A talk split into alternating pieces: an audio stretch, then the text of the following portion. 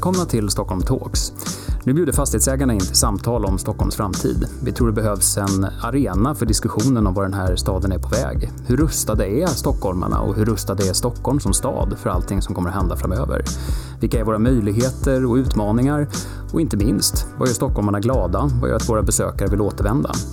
Du är välkommen att lyssna, men du är också precis lika välkommen att delta i det samtalet som alla stockholmare behöver vara med i.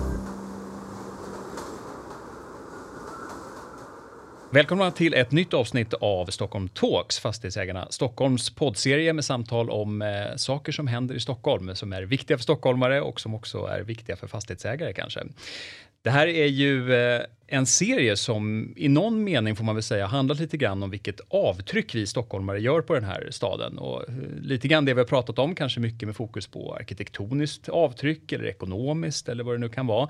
Men idag ska vi fokusera på ett mycket konkret avtryck som eh, vi gör som stockholmare eh, varje dag. Vi ska prata sopor och avfall och återvinning. Eh, och det ska vi göra med ingen mindre än Stockholms stads miljöborgarråd Katarina Lur. Varmt välkommen hit. Tack så jättemycket. Har du slängt någonting idag? Har jag slängt någonting idag? Ja, jag har slängt eh, delar av min frukost. Jag har slängt äggskal och jag har slängt kaffesump. Och gissa vad jag har slängt det? Jo, i min matavfallspåse. Just det, precis. Och det ska alla stockholmare göra snart gissar vi då. Ja, eh, så är det ju. Det, vi har ju eh, faktiskt satt eh, riktlinjer att det redan från förra året egentligen ska alla restauranger samla in sitt matavfall. Mm. Eh, och eh, från och med 2023 så ska alla eh, faktiskt har krav på sig att samla in sitt matavfall. Mm. Sen har vi ju då, eh, vi kanske ska komma mer till det sen, men eh, det finns ju vissa utmaningar i Stockholm. Jag har pratat om det ganska ofta när jag pratar med fastighetsägare att många har problem att hitta utrymme för sin matavfallsinsamling. Och det här innebär ju att vi håller just nu på att eh, påbörja bygget av en sorteringsanläggning i Stockholm mm. eh, för de som idag inte har utrymme eh, för att kunna samla in sitt matavfall. Men de kommer då kunna få dispens lite längre eftersom den här anläggningen inte riktigt kommer vara klar i början på 2023 utan där kommer vi behöva fixa lite. Men 2023 mm. är tanken i alla fall att alla tanken. stockholmare ska samla in sitt matavfall. Jag tänkte vi skulle eh, närma oss, djupdyka lite grann i de där frågorna. För det, det är klart, ja det är en fastighetsägarfråga men liksom också för väldigt många boende i Stockholm. Hur ska man göra? Hur ska mm. man se till att det blir så enkelt som möjligt? Men jag tänkte om man, om man börjar lite mer i det övergripande perspektivet så tänkte jag be dig att sätta ett sopbetyg på Stockholm. Och då tänker jag så här, om vi tänker oss på en skala från 1 till 5, för man, man, man, har ju självbilden tror jag, många stockholmare, att vi bor ändå i en väldigt så här, äh, framtidsinriktad och modern stad där vi ligger i framkant. Om man tänker sig att 1 är så här, det är riktigt illa ställt, vi hanterar vårt avfall på ett sätt som är liksom genuint farligt för människor och natur. Och 5 är så här, vi är en internationell föregångsstad som folk kommer och besöker för att eh, visa hur eh, sophantering ska gå till. Var, var är vi någonstans idag, generellt i stan? Jag skulle nog säga att vi kanske ligger på om jag får vara riktigt specifik så 3,8 skulle 3, jag säga. 3,8, ja det var väldigt specifikt. ja. men, ja, men, eh, lite över snittbetyg i alla fall då. Ja men jag tror det och det beror kanske inte främst på att vi har överallt en fantastisk infrastruktur mm. men vi har väldigt många projekt på gång som ingen annan har. Eh, vi har återbruk, vi har eh, roterande återbruk, vi har faktiskt rullat fram matavfallsinsamlingen så att i alla fall åtminstone hälften av stockholmarna idag kan sortera ut sitt matavfall och eh, eh, vi har en del projekt på gång som jag tror att inte så många andra städer har. Mm. Eh, så att vi, vi är på frammarsch men jag tycker fortfarande att vi borde ju ligga på kanske 4,8 mm. egentligen men eh, vi är inte där än. Om man tar några sådana här insatser som behövs för att höja sopbetyget till 4,8 vad, vad ser du framför dig att det kommer att handla om? Nej, men jag tycker rent eh, basalt eh, vad de flesta kommuner har lyckats med är ju kanske att ha en infrastruktur där man har eh, återvinningsstationer, alltså de här gröna behållarna som vi lämnar vårt eh, sorterade avfall i. Mm att man har det lite närmre, att det finns liksom fler per invånare. Eh, idag är det ju så att de töms väldigt, väldigt, väldigt ofta och ofta ändå blir fulla. Så där skulle vi behöva en bättre infrastruktur och ett sånt insamlingssystem. Mm. Och sen är det ju här med matavfallsinsamlingen att det faktiskt idag inte är möjligt för alla stockholmare att sortera sitt matavfall. Det drar ju också ner betyget såklart. Mm. Um, och sen tror jag också att väldigt många stockholmare har lite dålig kunskap. Så jag tror också att vi skulle behöva lite kunskapshöjande åtgärder för mm. var ska man faktiskt göra av sina olika sopor. Det ska vara lätt att göra rätt som man brukar säga. Det måste mm. bli lättare att göra mm. rätt. Mm. Jag tänker lite, och det kan vara fördomsfullt av mig, eller också för att man, jag har blivit så här Stockholmspatriot, och det får man ju säga när man är inflyttad lantis. Liksom. Men, men, men, känslan av att stockholmare vill ju väldigt gärna göra rätt om mm. vi tar i de här frågorna. Och det finns ett ganska stort engagemang. Eh, det gäller ju allt ifrån, ja men egentligen hur man ska sortera sina sopor till att så här, ska inte vi också ha solpaneler på taket? Man vill liksom göra insatser, men, men man vet inte riktigt hur. Och sen hörde jag dig när du var och träffade oss på Fastighetsägarna sist, så fast jag skrattade åt det här när du förklarade att folk blir jättesura när, när man tar bort insamlingsstationer, så här, eh, återvinningsstationer på stan. Men folk blir lika sura när man ställer fram nya på andra ställen. Ja. Hur balanserar man det där? Alltså så här, hur mycket är att få acceptans hos en befolkning eller upplever du att eh, ja, är folk mest arga eller mest kravställande? Du är ju ändå politiker, du måste ju känna av folkopinionen. Nej, men jag tror det här med arga eller kravställande, att eh, jag är ju miljö och klimatborgarråd. Jag har mm. ju massor med frågor på mitt bord. Det handlar om rent vatten, det handlar om tillsyn av restauranger, det handlar om klimatutsläpp, det handlar om kemikalier, men det är alltid sophanteringen som folk vill att vi ska förbättra. Mm. Eh, och jag tror att det finns en enorm vilja att det här ska vara ett fungerande system. Ingen vill se varken skräpiga stationer eller att de inte har någonstans att göra av sitt mm. avfall såklart. Så jag tror att det finns en väldigt stark vilja. Um, och det är väl det, precis som du lyfter här från början, att folk vill verkligen göra rätt. Men sen är det ju svårt att göra saker i Stockholm för det är trångt, det är väldigt mycket människor överallt egentligen. Och, och väldigt varierat också. Men väldigt det, varierat. Ja. Eh, men just det här att faktiskt göra förändringar på stan, att eh, ställer man ut en återvinningsstation någonstans, då kommer det vara någon som bor precis bredvid som tycker att det blir skräpigt mm. eller att man blir störd när man tömmer glaset. Mm. Så att eh, jag har full förståelse för att folk också blir upprörda men jag tror att där måste man ju faktiskt som politiker sätta ner foten och säga att nu har planeringen blivit så här, det här är den absolut bästa platsen vi har kunnat hitta. Och då är det ju inte bara att jag kastar en tärning och säger att nu ska vi ställa ut en eh, eh, station här. Och nu måste jag ju bara säga, nu säger jag att det är jag som planerar det här. Det är ju faktiskt så att det är fortfarande förpacknings och tidningsinsamlingen. Så mm. det är ett privat mm. företag som Exakt. ordnar den här insamlingen och sen så försöker man hitta platser i samråd med staden mm. var man skulle kunna ställa ut nya. Så att det ligger delvis på staden eh, och trafikkontoret mm. och till väldigt stor mån att det faktiskt är förpacknings och tidningsinsamlingen som sköter det här. Så att jag tror att det är väldigt, väldigt många kanske av de som lyssnar på det här eller som inte lyssnar på det här som tror att det är kommunen som mm. sköter det här systemet och det är ju inte det.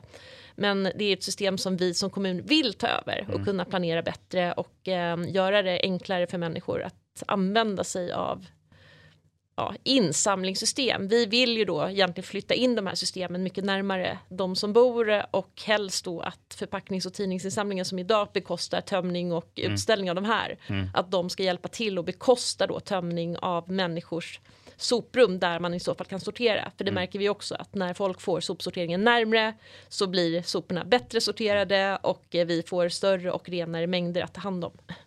Jag, jag, tänker samtidigt så här, det du var inne på där, att man gärna vill ha det närmre oavsett vad det handlar om, att, att det ska vara liksom enkelt i vardagen. Och, ja, men nu är det ju en, en podd som fastighetsägarna står bakom, eh, liksom sådär. men fastighetsägare i den här stan tycker jag ibland är viktigt att påminna om också är ju å ena sidan många stora professionella fastighetsföretag där man kan prata med hållbarhetschefer och liksom kader av jurister som kan liksom ordna och fixa och hur det ska gå till.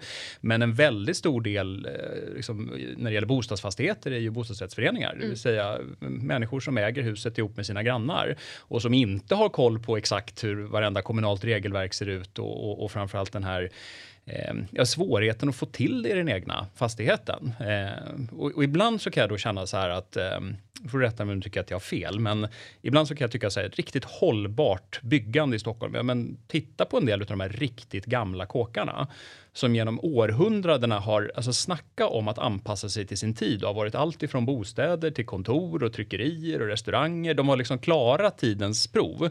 Och sen känns det men här går det inte längre. alltså hur gör man det i, eh, om vi tar i Stenstaden eller i Gamla stan? Det, eh, ja, det kan ju finnas olika utmaningar. Att behöver staden också upplåta mark för detta i närheten av, eller ska allting skötas i den egna fastigheten tror du framöver? Mm det finns ju en remiss ute nu som föreslår att kommunerna ska ta över insamlingsansvaret mm. då bekostat av förpacknings och tidningsinsamlingen. Och vi har ju diskuterat det där väldigt mycket. Hur ska det gå till? Och just i Stockholm där, eller inte bara Stockholm, det finns ju andra storstäder också som har delar av städerna där man är ganska trångbodd. Eh, och där kan det ju bli utmaningar med att liksom på något sätt få, ja, få fatt i ett utrymme mm. eh, som idag inte finns för att det är svårt att smäcka upp någonting nytt. Um, och där tror vi att det kanske behövs att man faktiskt ställer ut där staden faktiskt får upplåta mark på något sätt för fortsatt insamling i några liknande system som de vi har idag. Mm. Men jag tror fortfarande att det bästa är om vi kan flytta in det för att det har man en egen insamling i sitt soprum så blir det en annan tömningshastighet, det blir inte lika stora mängder som ska tömmas. Jag tänker här när det töms glas utanför någons fönster tre gånger per dag mm. från stora, stora behållare. Det är klart det blir slamrigt. Tömmer man från en bostadsrättsförening varannan vecka eller var tredje vecka eller en gång i månaden så blir det ju inte samma liksom, stora problem för de som bor precis runt. Eh, och det skulle kunna vara någonting bra.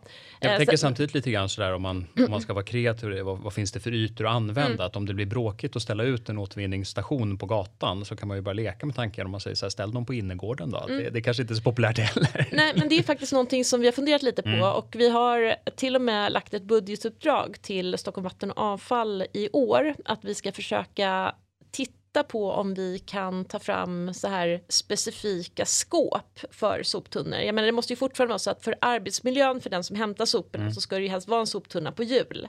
Men man skulle också kunna ha skåp runt omkring de här eh, som kanske skulle kunna vara funkisskåp, att man kan då liksom ha sådana ritningar. Att mm. bor ni i en funkisförening så har vi förslag på hur de här sopskåpen skulle kunna se ut. Funkissopkärl liksom. Ja, för det var i alla fall, jag bor i en, eh, ja, en liten lägenhet i ett hus som är byggt i slutet av 1800-talet. Mm. Och där har det ju varit så här stor diskussion. Ska vi kunna ha någon insamling på gården? Och så säger man nej, det förstör miljön på gården. Samtidigt kan man ju se att när husen byggdes så fanns det utedass på gården. Och då skulle man kunna tänka sig vad, vad var det som stod på gården då när huset byggdes? Mm. Skulle man kunna hitta någon liknande stil mm. för ett sopskåp så att det ändå smälter in och ser ut som att det här, det, det här var tanken från ja. början, det hör hemma mm. istället för att man har någon slags vit plastlåda mm. eller någon, eh, bara en grön plasttunna som mm. står där som inte ser så himla mysigt ut. Vi hade ju eh, Sveriges arkitekter som eh, i ett samtal här för eh, årsskiftet så man kanske kan tänka sig att man kan få hjälp lite mm. grann. Ja men vi, vi har tänkt på lite det här om man ska kunna jobba tillsammans med någon slags innovativ, eh, mm. liksom eh, ja, vad kan vi ha för lösningar som är både praktiska och vackra? Mm. Eh, mm. och hur ska vi jobba tillsammans? Så där får ju i första hand då Stockholm Vatten och Avfall berätta så här, vad är det för storlekar, vad är det för mått som behövs och vad mm. tänker de sig att man skulle behöva för insamlingsutrustning i de här skåpen. Och sen att man ska kunna titta då, vad finns det för områden i Stockholm och mm. vad skulle kunna passa in där? Färger, material, mm. eh, hur, utseende. Spännande, får se om vi kan eh, ta, ta, fram några idébilder och lägga ut på Stockholm Talks Instagramkonto. Ja, det skulle vara kanske, jätteroligt. kan vi se, vi kanske kan starta kan en tävling. Efterlysa ja, det här. Ja. exakt, så är det någon som hör och har en idé på hur man eh, designar ett eh, Jag hör av er till mig då för att det är ja, sekelskifts eh, sophus, ett funkishus, ett 80-tals eh, sophus och eh, ja, lite olika varianter. Ja, ja verkligen. Ja. Jag tänkte man byter lite grann spår. Det finns ju, om man tar diskussionen i hela på något sätt, omställningen till, till en mer hållbar stad, så har vi haft mycket av diskussioner kring hur ska vi ha det med bilar i stan framöver? Hur ska man liksom, eh, ja, elektrifieringen, utbyggnad av laddstolpar? Där hamnar man ju ofta i diskussionen att en stor del av lösningen är kanske också att, ja, det är inte bara att byta bränsle utan att köra lite mindre bil i stan. Kan man resonera på samma sätt här? Är det också en fråga om att producera mindre avfall? Inte bara att ta hand om det som gör, utan att mm, Mm. Kan man prata om avfallsförebyggande arbete? Ja, men det, det, kan man absolut och det är faktiskt en viktig del i stadens avfallsplan att minska det avfall som uppkommer. Sen är ju det svårt för att eh, vi har ett projekt just nu till exempel som heter Minimeringsmästarna mm. där familjer har fått anmäla sig. Eh, de ska väga in sig när de börjar, hur mycket avfall de slänger och sen ska de försöka då halvera sina avfallsmängder under den perioden som det pågår. Eh, och man ser att det är mer eller mindre svårigheter i det här projektet eh, hur man gör. För vi som stad så har vi satsat väldigt mycket på återbruk till exempel. Mm. Att grovsopor är ju ofta fungerande saker som man har tröttnat på. Mm.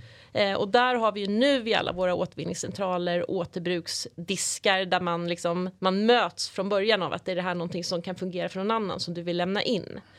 Men sen finns det ju av det man handlar i butik så är det ju väldigt mycket som faktiskt är inslaget och inplastat mm. och eh, plasten är ju en sån jätteutmaning som vi har att vi får så himla mycket plastskräp. Eh, så där behöver vi egentligen jobba på en högre nivå och titta på vad kan vi ha för så här, nationella styrmedel för att verkligen minska ner på de ja, så här, avfallsmängder som vi inte kan undvika. Mm. Eh, och det, det finns ju innovativa lösningar både på egentligen förpackningar man skickar med post och eh, även, eh, jag tror att många producenter har väl börjat fundera i alla fall på hur man slår in saker. Men eh, där har vi jätteutmaningar kvar att det faktiskt blir en massa saker över när vi har använt det som vi köper. Mm. Ja, ibland kan jag nästan känna att det är, det är anekdotiskt eget exempel men, men, men, på något sätt att här, det känns nästan som förpackningarna blir större och större ja. snarare än tvärtom. Ja, eh, ja men verkligen. Och särskilt i det här e-handelslivet som man lever nu att det kommer hem saker där, eh, ja vad ska jag göra av det här nu då? Ja. Att, eh, Samtidigt så pratade jag just med en bekant som hade beställt en tröja som fick hem ett så här platt paket som var tröjformat. Med mm. liksom, det var en mm. centimeter tjockt och det låg tröjan inuti med liksom att det var brett men det var väldigt tunt och det var inte en gnutta luft i och det tycker mm. jag det är ändå ett exempel på att man har börjat fundera över det där med mm. att varför ska vi skicka runt stora kartonger med ett USB-minne i? När, ja, precis. Ja. Nej, det kanske sker en del utveckling där också. Jag kan inte låta bli att, eh, en del som lyssnar på den här podden vet ju det och jag tror att du eh, har hört det någon gång förut också, men, men fastighetsägarna från början bildades ju på grund av den här frågan. Det var ju så här, vi, man skapade en fastighetsägarförening för man hade problem att göra sig av med, med avfallet och ja. egentligen uppmanade då Stockholms stad att ta, ta ansvar för det här så att inte varje enskild fastighetsägare skulle sopa undan skiten till nästa, till nästa granne nerför gatan så att säga. Så det gör ju att vi har ju ändå 150 års erfarenhet mellan fastighetsägarna och, eh, och Stockholms Stockholms stad i att prata om de här frågorna. Hur är det ett fungerande samarbete, tycker du?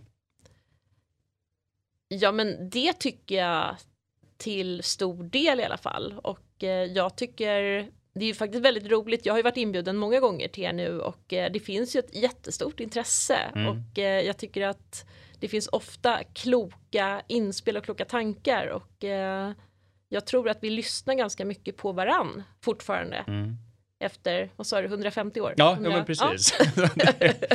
Nej men jag tänker också, jag ställer frågan lite ja. så här för att jag, det, det, finns ju ibland också en känsla av att så här, ja de är Eh, Stockholms stad har ansvaret men de vill ju egentligen mest bara skjuta det tillbaka och så ska vi alla problem ska lösas i den egna fastigheten och, och det, vi får bara regelverket liksom upptryckt i ansiktet. Så därför för mm. det behöver vi utveckla liksom de här samverkansformerna mellan stans olika typer av fastighetsägare och finns kunskapen, finns engagemanget, men det upplever du ändå låter det som. Ja, men jag, jag, tycker det, men sen tror ju jag, det ser man ju inom alla stadens verksamheter, att vi har varit dåliga på att ta tillvara liksom andras åsikter. Att mm. eh, det, det, finns väldigt många områden där vi har tyckt att eh, själv är bäste dräng. Mm. Eh, det här ska vi fixa.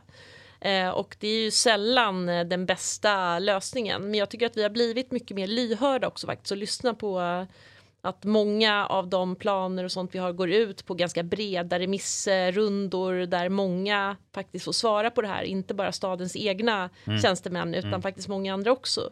Så det är ju någonting vi jobbar med, men jag tror att det är ju någonting vi behöver utveckla mycket mer och det är någonting jag pratar ganska mycket om. Jag är ansvarig för stadens arbete med Agenda 2030 som ju är FNs agenda för de 17 hållbarhetsmålen som ska vara uppnådda till 2030.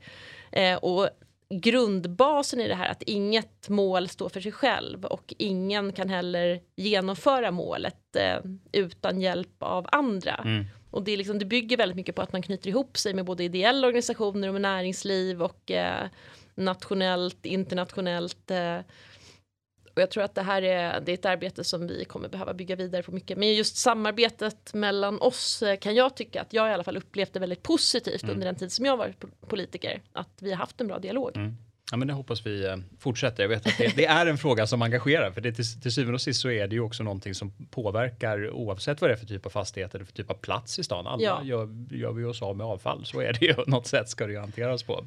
Men jag tänkte liksom, nu har vi fokuserat en del på just hanterare i det som är byggt. Det är väldigt kul att se de här sekelskiftes eller funkiskärlen framför sig. Men om vi tänker så här, det vi bygger nytt då. Mm. Eh, hur kan vi hitta ett liksom, sätt att göra det på smart och ta in de här aspekterna?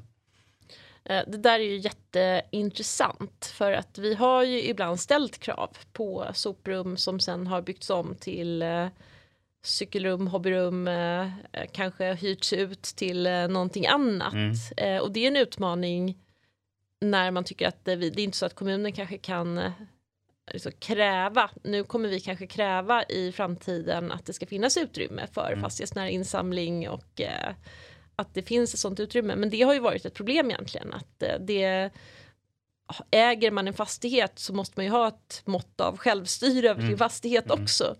Eh, men jag tror att det kommer bli en viktig fråga och jag tror också att många av de som bor i fastigheterna framöver kommer också vilja ha det. Liksom, de vill inte gå iväg 500 meter eller några kilometer för att sortera sina sopor. Och jag uppfattar i alla fall att det finns ett ganska hårt tryck från stockholmarna. Mm. Att man vill vara med i en hållbar omställning och där är liksom att ta hand om sitt avfall en viktig del. Mm. Ja, det, eh, så att det... Eh, jag tror liksom att det kommer vara någonting som de som bor i fastigheterna och de som kanske arbetar i fastigheter när mm. det är kontorsfastigheter att man, man vill ha det så. Mm man kommer inte tycka att det är okej att bo utan ett rum där man kan en, lämna mm, sitt avfall. En hygienfaktor i ja, bokstavlig mening. Ja. så att säga. Mm. Jag tänker så här, som miljöborgarråd så är ju inte du bara ansvarig för, för, för de här frågorna, det är ju bredare än så. Vi hade ju eh, Stockholms stads skyfallsstrateg på besök i den här podden och då apropå det här med hur stan rent fysiskt kommer att gestalta sig. Vad, mm. vad, finns det några saker som kopplar till det här med hur det faktiskt, hur vi måste bygga stan för att det ska fungera? Ja, ja men det här är ju superintressant eh, och jag tror att just klimatanpassning, eh, Henrik då, skyfallsstrategen, mm. han håller ju på väldigt mycket med just eh, vad händer när det regnar mycket? Hur ska vi undvika att vi får översvämningar? Och hittills har ju stadens fokus varit väldigt mycket på att skydda värdefull infrastruktur, att vi ser till att vattnet inte rinner ner i tunnelbanan mm. så att mm. det blir stopp där eller att det inte slår ut elcentraler. Men vad vi ser nu och vad vi har sett i Stockholm förra året till exempel så kom det ju några regn i maj där det blev översvämningar i olika delar av staden, ganska stora översvämningar i folks källare eh, och eh, här var också man brukar prata om så här 100-årsregn och 50-årsregn liksom när det kommer väldigt mycket regn, så mycket regn som det inte kommer komma på nästa 100 år mm. rent statistiskt. Eh, och här kom det andra typer av regn, att det regnade i så många dagar att det liksom övermättade systemet fastän det inte var så mycket regn på en gång. Mm. Så att i klimatförändringarnas spår så kommer vi se både häftiga regn och också ja, mycket, vi har ju sett värmeböljor nu och där har vi också börjat fokusera på så här, hur skyddar vi våra äldre? Hur skyddar vi äldreboendena från att bli överhettade och hur ska vi se till att de får rimliga temperaturer så att faktiskt folk slipper dö av mm. att det blir för varmt. Mm.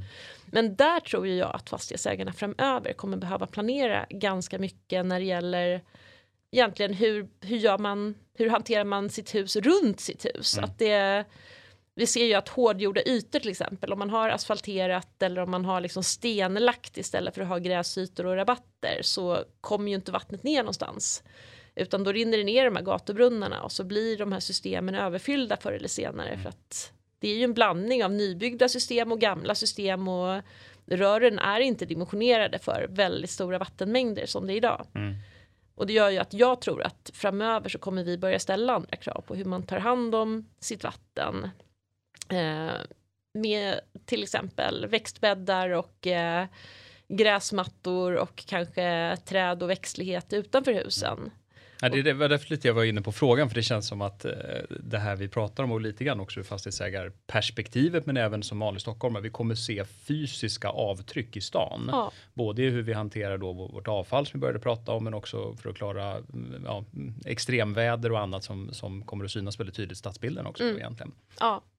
Så att det, det finns ju hemskt många faktorer som jag tänker när man är fastighetsägare. Allt ifrån det här när vi pratar energiförsörjning, att kanske styra sin, e, sin elanvändning bättre, kanske börja installera mer solceller på sina tak, att det kan bli mycket, mycket mer lönsamt nu än vad det var för bara några år sedan. Att priset på solceller har gått ner och elpriserna fluktuerar ganska mycket. Mm. Så att eh, det kan ju vara någonting som blir en jättestor fråga framöver. Sen elektrifieringen, att... Eh, ja, det är en annan stor fråga här i stan får man väl säga. Med ja, ambitiösa verkligen. mål får man väl ändå säga kring eh, utbyggnad av laddstolpar och laddinfrastruktur. Ja, vi antog en ny målsättning i höstas om eh, en utsläppsfri innerstad år 2030. Eh, och där är ju målet att 2030 så ska det köra egentligen eh, laddbilar mm. eh, i stan. Och då behövs det ju möjlighet att ladda såklart.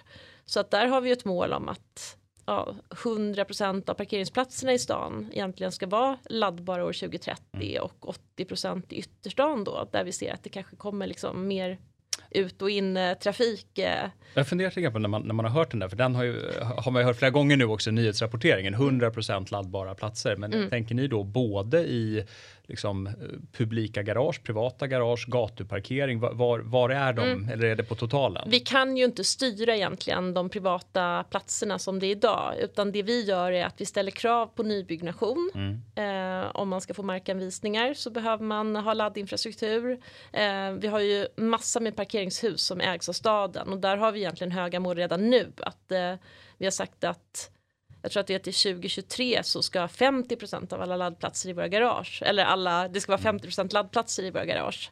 Eh, och eh, sen får man jobba på lite olika sätt, att man kan peka ut på stadens mark då, att där kan vi ansvara mm. för laddinfra eh, och sen att man ställer då krav på där det byggs nytt egentligen. Mm. Mm.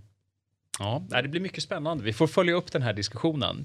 Men man ser ju att det eh. ploppar ju upp faktiskt eh, laddinfra lite överallt nu, både i innerstad och ytterstad. Mm. Och, eh, i den frågan tycker jag också att det är väldigt spännande, som det ofta är när, när man står på, så här, på gränsen till en samhällsförändring. Att så här, först händer ingenting och sen händer mm. allting på en gång. Jag kan konstatera att så här, frågeställningar vi får in som fastighetsägarorganisation och tar från bostadsrättsföreningar som vi har tusentals som medlemmar.